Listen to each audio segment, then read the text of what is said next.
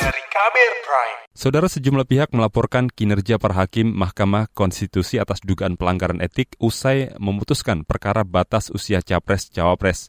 MK kini langsung membentuk Majelis Kehormatan MK. Apakah MK-MK mampu mengembalikan muruah lembaga konstitusi itu? Selengkapnya kita simak laporan khas KBR disusun jurnalis Heru Haitami. Mayoritas masyarakat menilai putusan Mahkamah Konstitusi mengenai syarat usia minimal calon presiden dan calon wakil presiden pada 16 Oktober lalu tidak adil. Itu terungkap dari hasil jajak pendapat Lembaga Survei Indonesia atau LSI. Putusan itu membuka jalan bagi anak Presiden Joko Widodo Gibran Rakabuming Raka untuk ikut pemilu sebagai bakal calon wakil presiden Prabowo Subianto. Peneliti LSI Jayadi Hanan menyebut lebih dari 57 persen responden yang mengetahui Ketua MK Anwar Usman merupakan paman dari Gibran Raka Buming Raka menilai putusan itu tidak adil. Tapi kita bisa lihat di situ, di kalangan masyarakat yang tahu bahwa Ketua MK adalah adik ipar presiden, hampir 60 persen menyatakan keputusan itu adalah keputusan yang sangat tidak adil.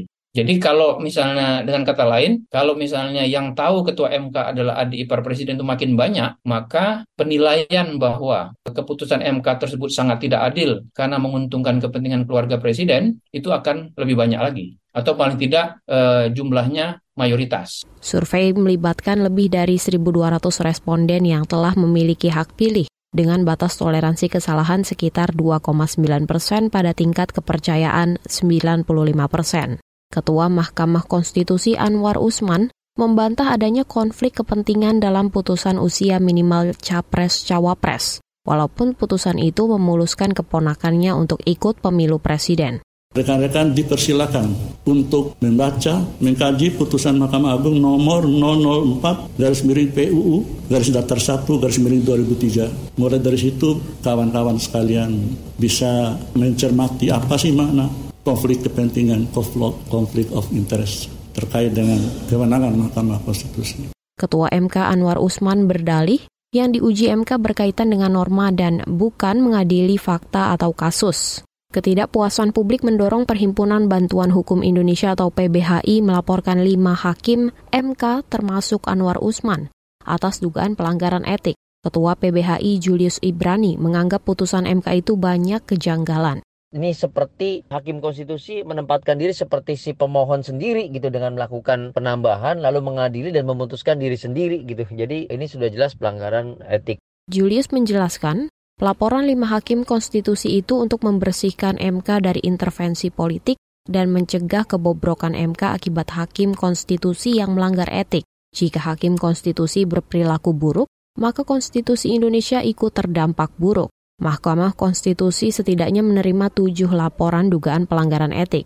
Selain PBHI, ada sejumlah pihak lain yang melaporkan Hakim MK seperti bekas Wakil Menteri Hukum dan HAM Denny Indrayana, Tim Pembela Demokrasi Indonesia atau TPDI, serta sejumlah kelompok advokat. Menindaklanjuti laporan pelanggaran etik tersebut, MK menggelar rapat permusyawaratan hakim atau RPH untuk membentuk Majelis Kehormatan Mahkamah Konstitusi atau MKMK.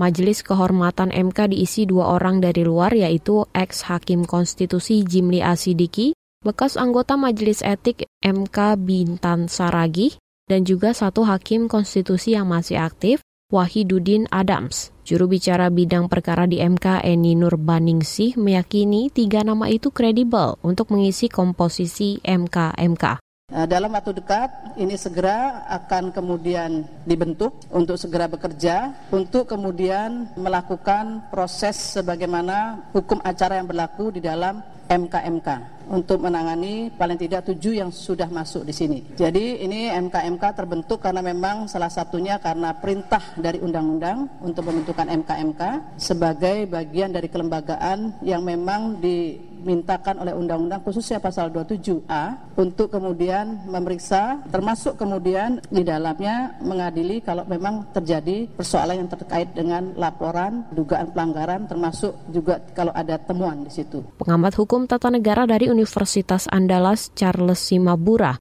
menilai keberadaan hakim majelis kehormatan dari luar MK itu sangat krusial untuk menghindari konflik kepentingan dari para hakim yang diadukan.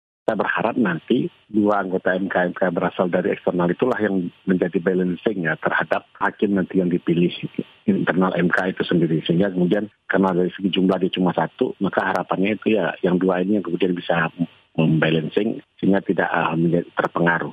Laporan ini disusun Heru Haitami, saya Astri Septiani. Kamu baru saja mendengarkan news wrap up dari Kabel Prime. Dengarkan terus kabelprime.id, podcast for curious mind.